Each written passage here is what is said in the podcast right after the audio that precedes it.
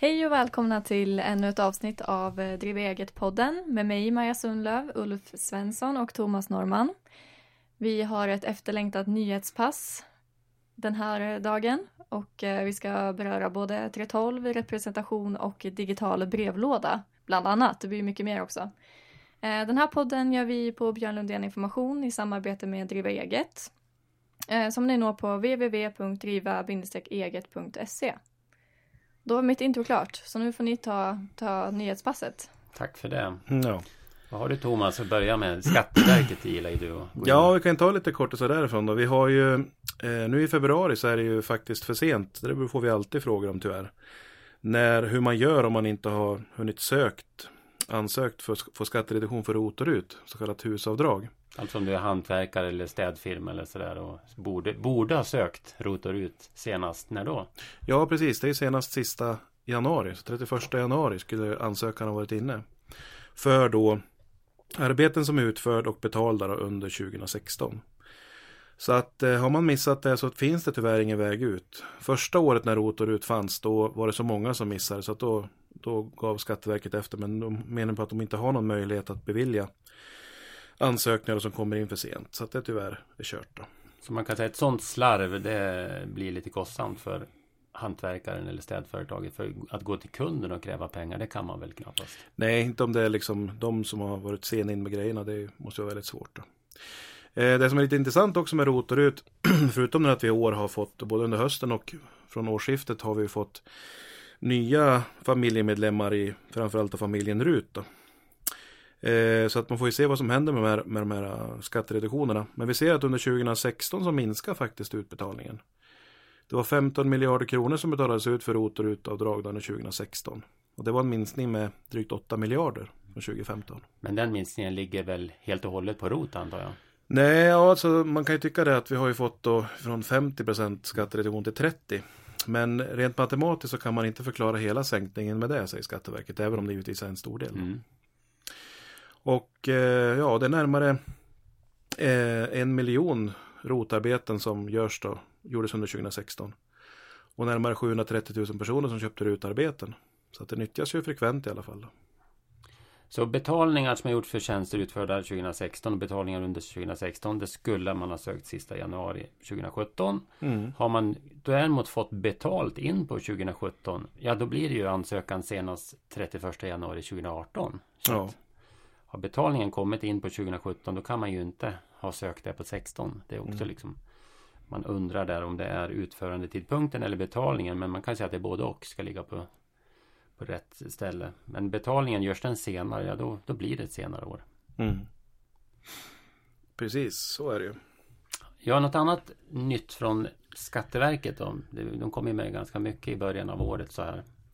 Ja, en liten nyhet då som kanske inte gäller eh, företagare så himla mycket. Men det är det att man nu kommer att ha möjlighet att få skattepengarna, alltså skatteåterbäringen då, utbetald redan till påsk säger Skatteverket.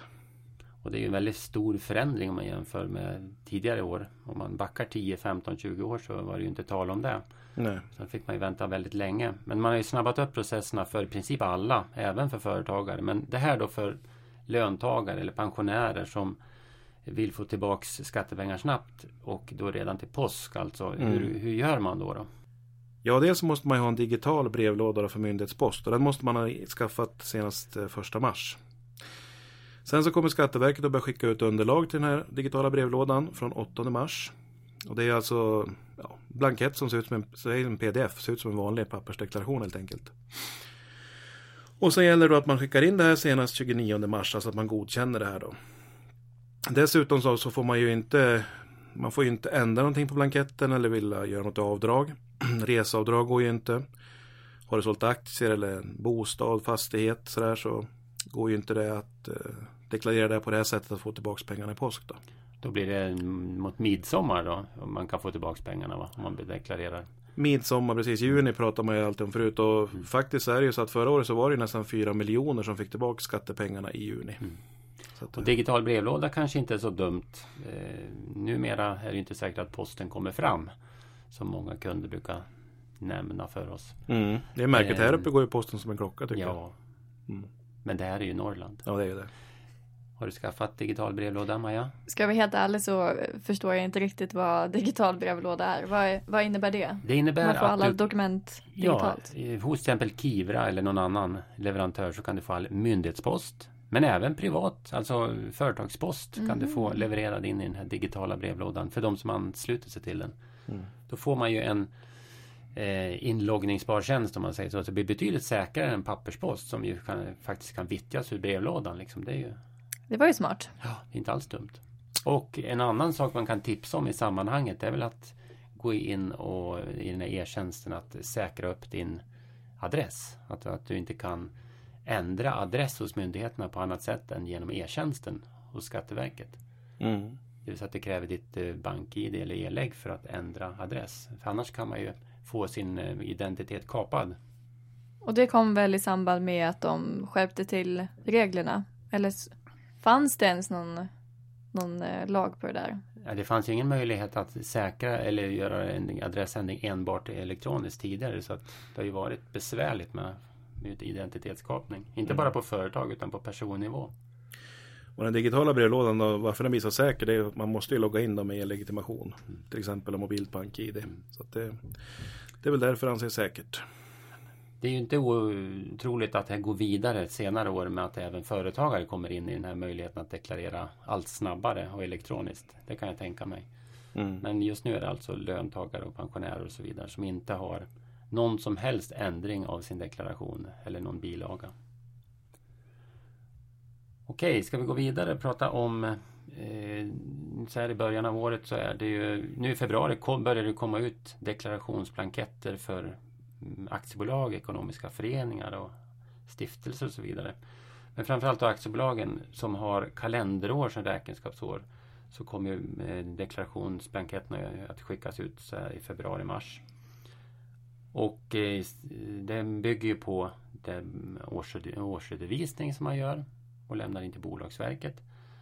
Nu är inlämningstidpunkten för årsredovisning och deklaration eh, ända fram i sommar så att det är ju långt till dess.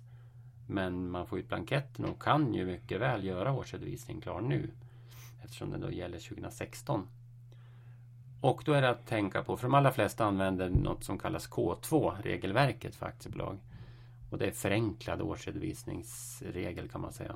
Det är mycket mindre uppgifter som behöver finnas i en K2 årsredovisning än än för större bolag. Och det här K2-regelverket har ändrats en del eftersom årsredovisningslagen har ändrats. Den blir ännu enklare att göra en K2-årsredovisning. Färre tilläggsupplysningar och lite flyttade uppgifter in i förvaltningsberättelsen istället för i en not och så vidare.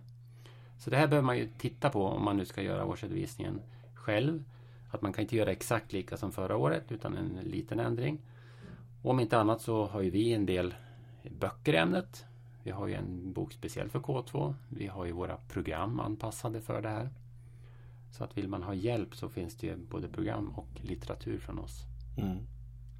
En annan sak som vi pratar om deklarationer och så här, det är som är värt att minnas här nu det är att i, i februari här då ska man ju även deklarera moms faktiskt för 2016. Om man har eh, helårsmoms och eh, inte då får lämna momsdeklarationen i samband med att du lämnar din inkomstdeklaration.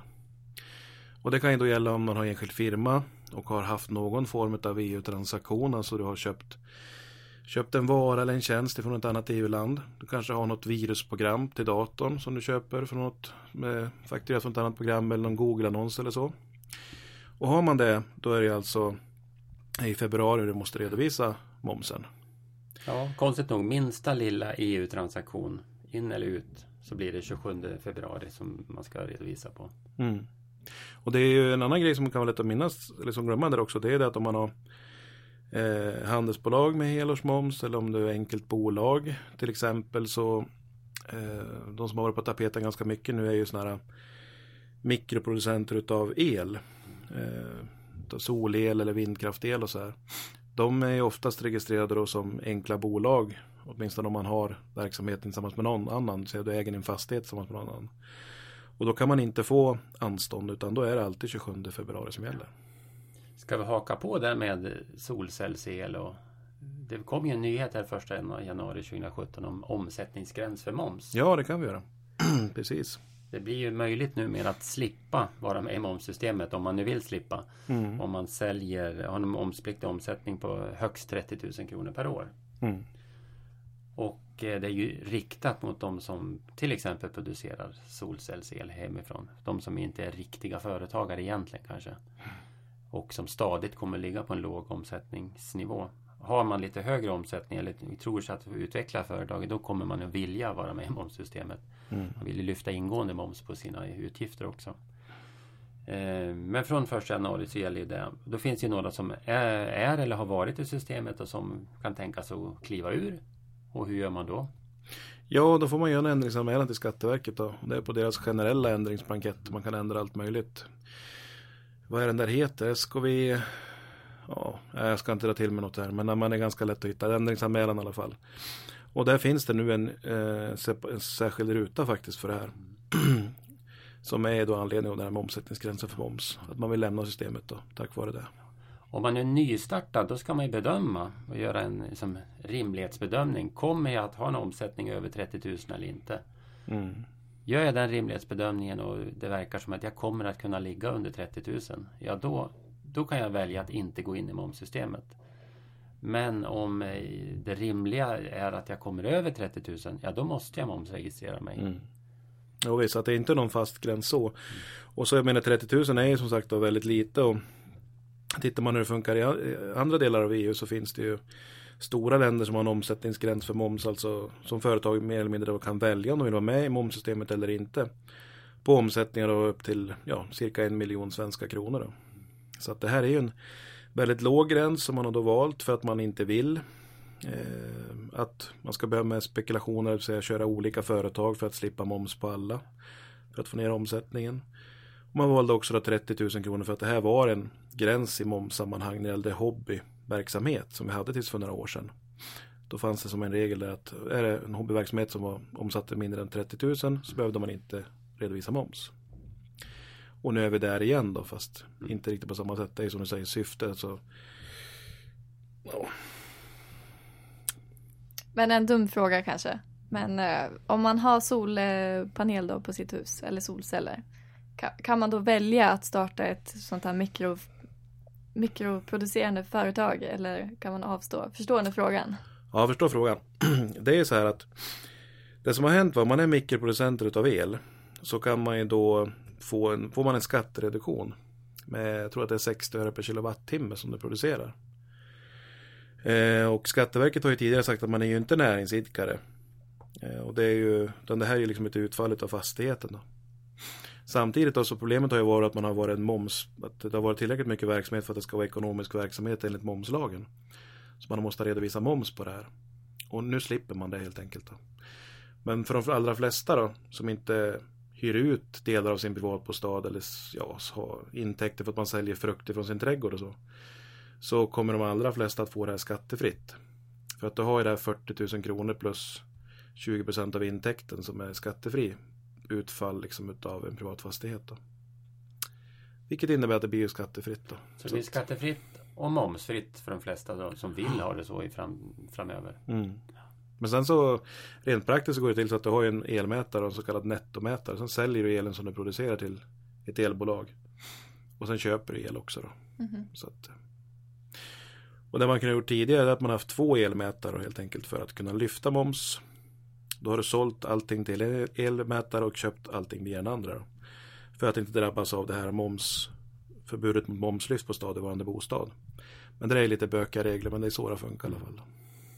Men nu kan vi ägna mindre tanke åt det i framtiden förmodligen. För jag gissar att de allra flesta kommer att stå utanför momssystemet Mm, det tror jag också. av den här typen. Men vi, som vi säger, riktiga företag, då ser vi sannolikt väldigt få som ens vill vara utanför momssystemet. Mm. Mm. Ska vi gå vidare? Vi hade ju kopplingen till deklaration och så lite grann. Eh, man ska ju ha fått en kontrolluppgift för, från, på sina löner och så vidare senast 31 januari. Och där kan man ju, bör man ju kontrollera att det finns ett belopp angivet för hur mycket skatt som har dragits av. Och såklart att det verkar stämma med den lön man ska ha fått. Det är ju ett ganska dåligt system vi har haft i nästan alla tider. Att rapporteringen av gjorda skatteavdrag och, och vilken person det handlar om som man har redovisat in arbetsgivaravgifter på kommer en gång per år i efterskott. Mm. Vi ser väl framför oss att det kan bli en förändring på det. Va? Mm. Jo, det finns ju ett förslag framme nu som är som en lagrådsremiss också. Som innebär att man ska alltså ha kontrolluppgifter varje månad kan man säga. Det kommer alltså när man lämnar en skattedeklaration och redovisar in arbetsgivaravgifter och skatteavdrag. Så ska det lämnas på individnivå då, hur mycket varje anställd har tjänat.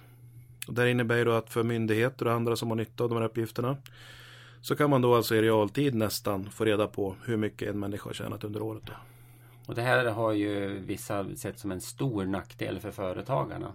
Och vi väljer väl att se det som tvärtom. Att det, det, måste ju vara en fördel att slippa göra det här jobbet i efterhand en gång per år.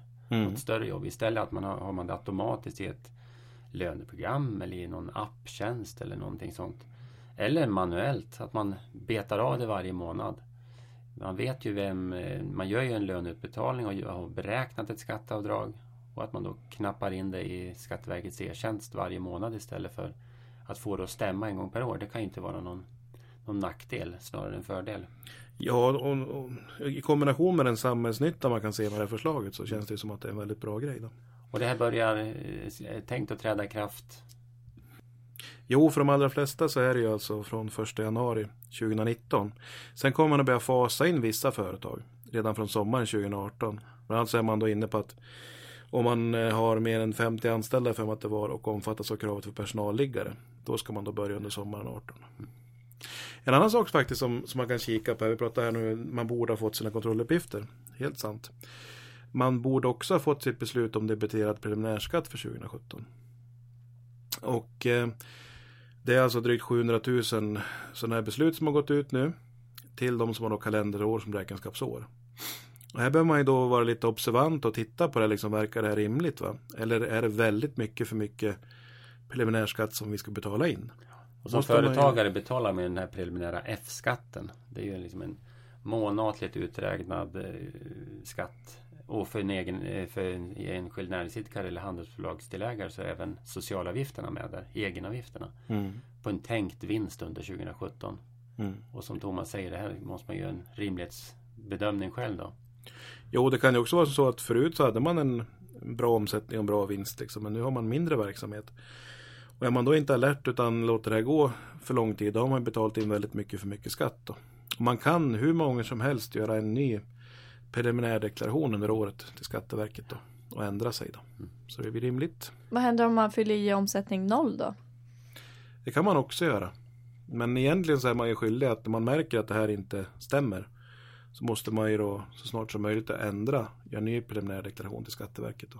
Man kan inte skattemässigt ha ett vilande företag men teoretiskt kan man ju ha noll i omsättning ett år. Det kanske bara kostnader ett år. Eller att man eh, har, går ner i, i varv lite och har utgifter som syftar till kommande års intäkter. Så, men, mm. eh, sannolikt har du en omsättning men däremot kanske du inte har en vinst. Nej. Du kanske har minst lika mycket kostnader som intäkter. Det kan du gissa, särskilt första året. Det är ju inte alls konstigt. Så att första året är det ju väldigt många som har noll i preliminär F-skatt. Och det kan både vara rimligt eller så visar det sig att vara lite felaktigt. Mm. Men man gissar ju lite grann här och som Thomas säger, man kan ju ändra, lämna in en ny preliminär deklaration hur, ja, så fort man tycker att nu ligger jag för högt eller nu ligger jag för lågt. Går man in med en nollad F-skatt om man säger så, så, så måste man ju vara medveten om vad man gör bara. Hur stor del av utav den vinst som kommer in som egentligen ska slussas vidare till Skatteverket. Ja. Då, så, att man inte, så att man inte skjuter sig själv i foten under året. Då. Man kan säga att det är ju inget sån här skattetombola liksom, utan det är slut Nej. så blir det rätt. Mm. Och det, om inte annat så kommer det via slutskattebeskedet som kvarskatt om jag har skattat för lite. Mm. Eller så får jag tillbaka skatt om jag skattat för mycket. Men det bästa är väl kanske att ligga ganska exakt rätt, vilket ju inte är så enkelt då i ett företag. Men man kan göra ett försök i alla fall. Mm, precis. Ska vi ta någon annan nyhet? Eh, alltså, eller någon aktuell fråga kan man säga. Både nyhet och aktuell fråga. Mm. En grej som vi får väldigt mycket frågor om nu. Nu har liksom paletten börjat falla ner och man börjar fundera, fundera på hur ska man göra det i praktiken. Det är ju förändring som vi har fått på representationssidan nu från 1 januari 2017.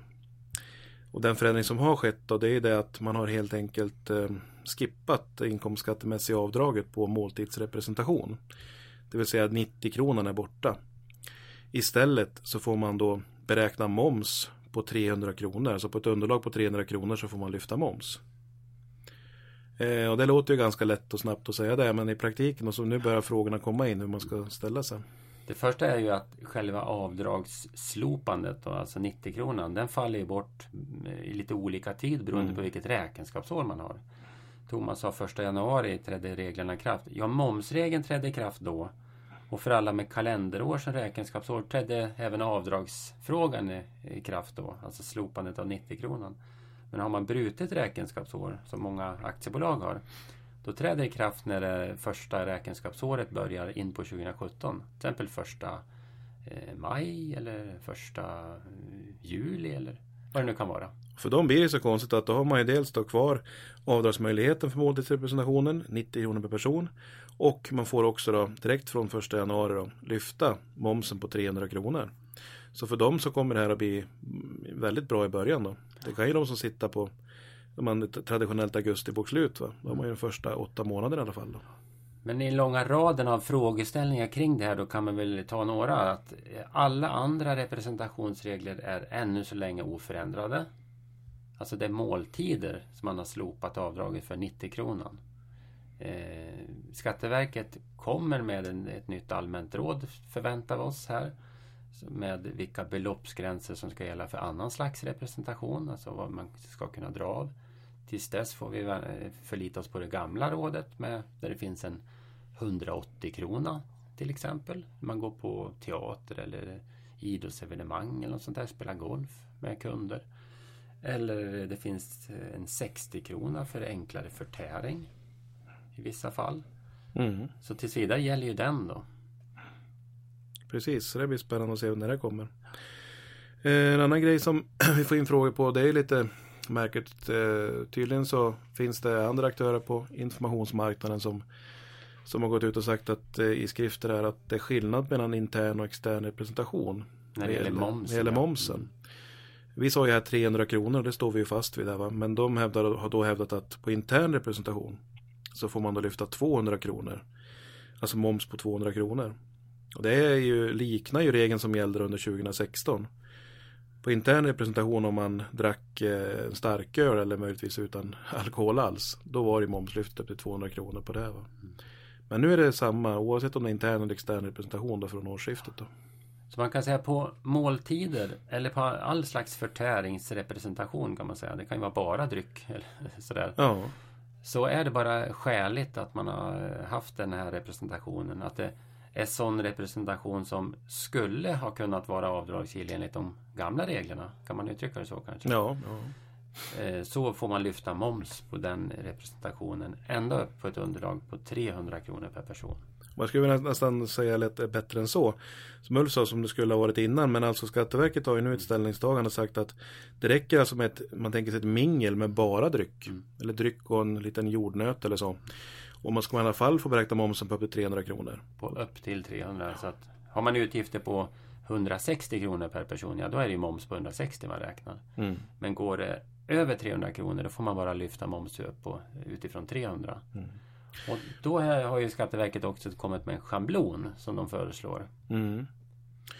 Precis, och den är ju då en schablon som man då ska använda om man ligger över 300 kronor och har haft ett representationsmåltid som innehåller både 25% eh, moms och 12% moms. Det vill säga man har druckit någon form av alkohol till den här måltiden. Då. Och då är schablonen 46 kronor 46 per person. kronor per person. Man kan också om man ligger över 300 kronor räkna ut momsen i proportion till hur mycket alkohol och hur mycket mat man har med i notan. Mm. Men jag skulle tänka mig att de flesta kommer att köra på 46 kronor. Det blir mm. enklast. Visst, och man brukar ju säga huvudsaklig del har ju Skatteverket alltid tidigare hävdat att huvudsaklig del av en måltid ska ju bestå av mat. Och då har man ju sneglat lite grann på den där när man har pratat representation tidigare. Och schablonen bygger ju på 75 procent. Alltså 75 procent, 12 procent moms, 25 procent, 25 procent moms. Men eh, i det här exemplet som Skatteverket kom ut med själv, om man skulle liksom vilja räkna ut det här utan schablon. Då i det exemplet så är ju lite anmärkningsvärt och då är ju faktiskt maten 60% och drycken är 40%. Mm. Och återigen, man ger exempel på alltså ett mingel utan överhuvudtaget mat alls. ska man i alla fall få lyfta momsen på 300 kronor. Och det är ju verkligen eh, någonting stort i vår värld, liksom, att man har, man har kommit in på de tankarna. Och just den stora skillnaden mellan momsreglerna och inkomstskattereglerna, det är förvirrande och intressant. Ja. Det, jag vet inte om det är en fördel för en företagare som ska hantera det. Men det kan vi tipsa om att vi har Dels i våra programvaror har vi en funktion där man kan få det här uträknat automatiskt. Man har representation av olika slag. Momsen och avdraget då. Och vi har även i vår informationstjänst BL-info. Där har vi en eh, beräkningssnurra för momsberäkning på representation. Mm. En annan fråga som vi fått in lite grann det är det här med vad händer med momsfria företag? De har ju tidigare fått en slags kompensation så att det inkomstskattemässiga avdraget på måltidsrepresentation då har man då fått högre än 90 kronor. Men eh, hur blir det nu? Nej, det är borta. Mm. Det finns ingen kompensation. Så att momsfria företag de får liksom ingen kompensation alls, varken på måltider eller annan representation. Den nytta som ett momspliktigt företag har, eller den fördel, det, den, den får inte momsfria företag någon som helst del av. kan man säga. Mm. Så var det med det. Ja. Men som eh, företagare då? Det, det, är ju inte bra att sluta vara ute och representera. Nej. Men det kommer bli... Ja, det kommer bli... Det kommer vara något sämre avdragseffekt när det gäller inkomstskatten. Mm. Men det är ju minimalt. För 90 kronor per person, hur mycket har det varit? Ja, men det, det har varit ganska lågt avdrag förut också. Mm. mm. Däremot är det högre momslyftsmöjlighet. Så det är möjligt att eh, staten ska ju tjäna på det här är det tänkt. Statskassan ska ju tjäna på det. Men eh, ett enskilt företag behöver ju inte lida särskilt mycket av det här. Det tror jag inte. Nej, jag tänker så, så, så man inte blir avskräckt och bara nej, oj oj, nej. nu eh, har de sänkt och, avdraget. Då ska nej. vi sluta ute på middagar. Och det är fortfarande väldigt viktigt, alltså just bedömningen på representation, va? om det är okej okay eller inte. Den är ju kvar liksom för att en, en stor del i representation och en viktig fråga det är det att är det representation? För är det inte representation som du är inne på Maja, om man är ute på, ett, på en restaurang och äter, då är det kostförmån. Men har ett omedelbart samband med näringsverksamheten om man bjuder på mat en, till en eh, potentiell kund till exempel. Ja, då blir det ingen förmånsbeskattning för den som blir bjuden eller den som då äter för företagets räkning. Och det är ju fortfarande en väldigt viktig fråga och där är ju ingen förändring alls. Och affärsnyttan med representation är ju det som ska övervägas. Det spelar ingen roll om man får dra av eller inte liksom, kostnader. Det är ju det är en bifråga. Mm. Säg att du bjuder någon på en middag för 300 spänn och så får du igenom en stor affär. Mm. Då är det ju värt det oavsett om det är avdragsgillt eller inte. Liksom. Verkligen.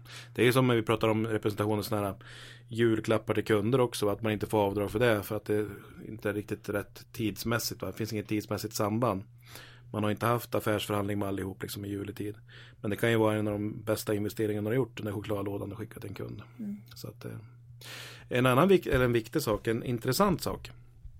Det är ju vad som händer med den här Eh, förtäring av enklare slag. Då. Som vi var inne på tidigare så finns det ett allmänt råd. Så länge det ligger så är det ju 60 kronor som man får till inkomstskattemässigt avdrag. I lagen står det inte exakt hur det ska gå till men i förarbetena så pratar man ju om att man vill koppla det här till vad som då är avdragsgillt för personal som personalfika.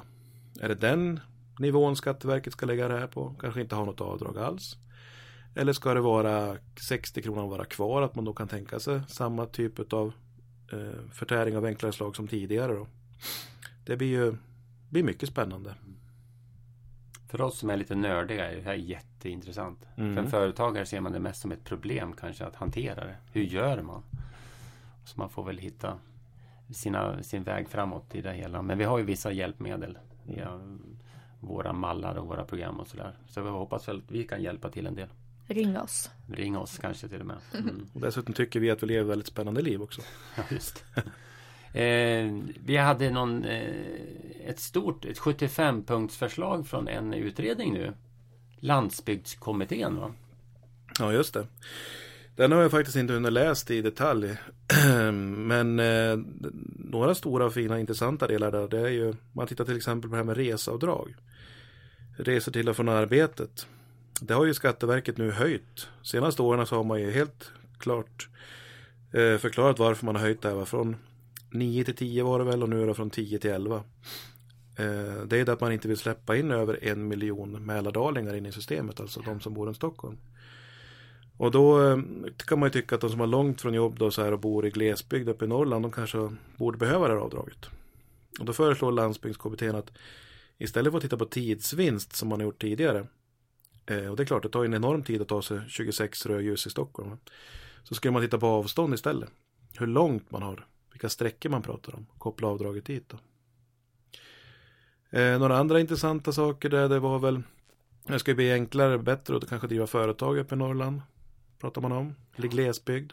Norrland säger jag, men glesbygd. Ja, det, faktiskt, ja, det är i princip hela Norrland då, ja. åtminstone. Mm. Men det man pratar om då är ju att utvidga det här med regional nedsättning av socialavgifterna. Mm. Det ska vara lägre socialavgifter på, för anställda och för egenföretagarna själva då. Om man driver verksamhet i glesbygd. Och det, man kan säga att det och reseavdragsfrågan, det är mycket som ska gynna glesbygden för att både kunna bo kvar och vara anställd eller driva företag i glesbygd. Men om vi tittar på ett förslag som finns i till exempel Norge. Om man väljer att flytta långt norrut i, Nor i Norge till exempel och jobba där ett antal år, då försvinner studieskulden ja. efter att man har studerat klart. Bland annat för norska läkare vet jag att det är så. Mm. Och en sån variant har man också diskuterat i den här kommittén. Då. Mm. Vad säger folk om det här då? Vad är, vad är åsikterna om det? Positiva eller negativa? Ja, norr, om man säger norrlänningar. Ja. Tror jag är väldigt positivt. Ja, det förstår jag. Men jag tänker... Eh, sen är det väl, eh, Övrigt. det finns ju ett massa olika argument för eh, varför man ska se. Det finns eh, ett förslag nu också om att flytta ut statliga arbeten ute i landet. 10 000 jobb ska ut i mm. glesbygd. Mm. Och det kan man argumentera kring också. Eh, nu har, man kan säga ungefär 10 000 jobb har ju flyttat till storstäderna från glesbygd av statliga jobb tidigare. Så egentligen är det bara en återflytt. Mm. Man kan också säga att jag har Norr, Norrland eller övrig glesbygd har stått för väldigt mycket av eh, storstädernas uppbyggnad. Och ska nu få tillbaks lite. Så att eh, det här blir nog en lång diskussion. Men... Sen är det ju det här också glesbygd. Alltså man kan man ju tänka sig framför sig. Va? Fyra röda stugor och en mjölkpall och där ska vi lägga en myndighet. Men alltså vi, det de egentligen diskuterar det är ganska medelstora svenska städer. Mm. Alltså typ kanske Östersund, Sundsvall. Eh, ja, något mindre städer också. Men alltså det är ju inte, handlar ju inte om att vi ska bygga upp nya samhällen runt en myndighet. Va? Utan det Nej, så jag tror nog att det kommer att bli en, en lång och delvis het debatt. Mm. Men eh, det, jag tror att tittar vi på till exempel Norge så eh, har ju de fått hela sitt land att leva lite mer mm. än vad Sverige har lyckats med. Och sen jag menar inte om man lyckas få Får man myndigheterna bemannade med kompetent personal så är det väl väldigt bra att man flyttar ut eh, jobb från, eh, kan man tycka då, överhettade områden både vad gäller bostäder och vad gäller hyror. Va? För de här myndigheterna ska ju hyra någonstans. Sitta då gärna centralt och kanske hyra stora fastigheter. Va? Och kan man då spara miljontals kronor per år bara på att ha billigare hyra så varför inte? Mm.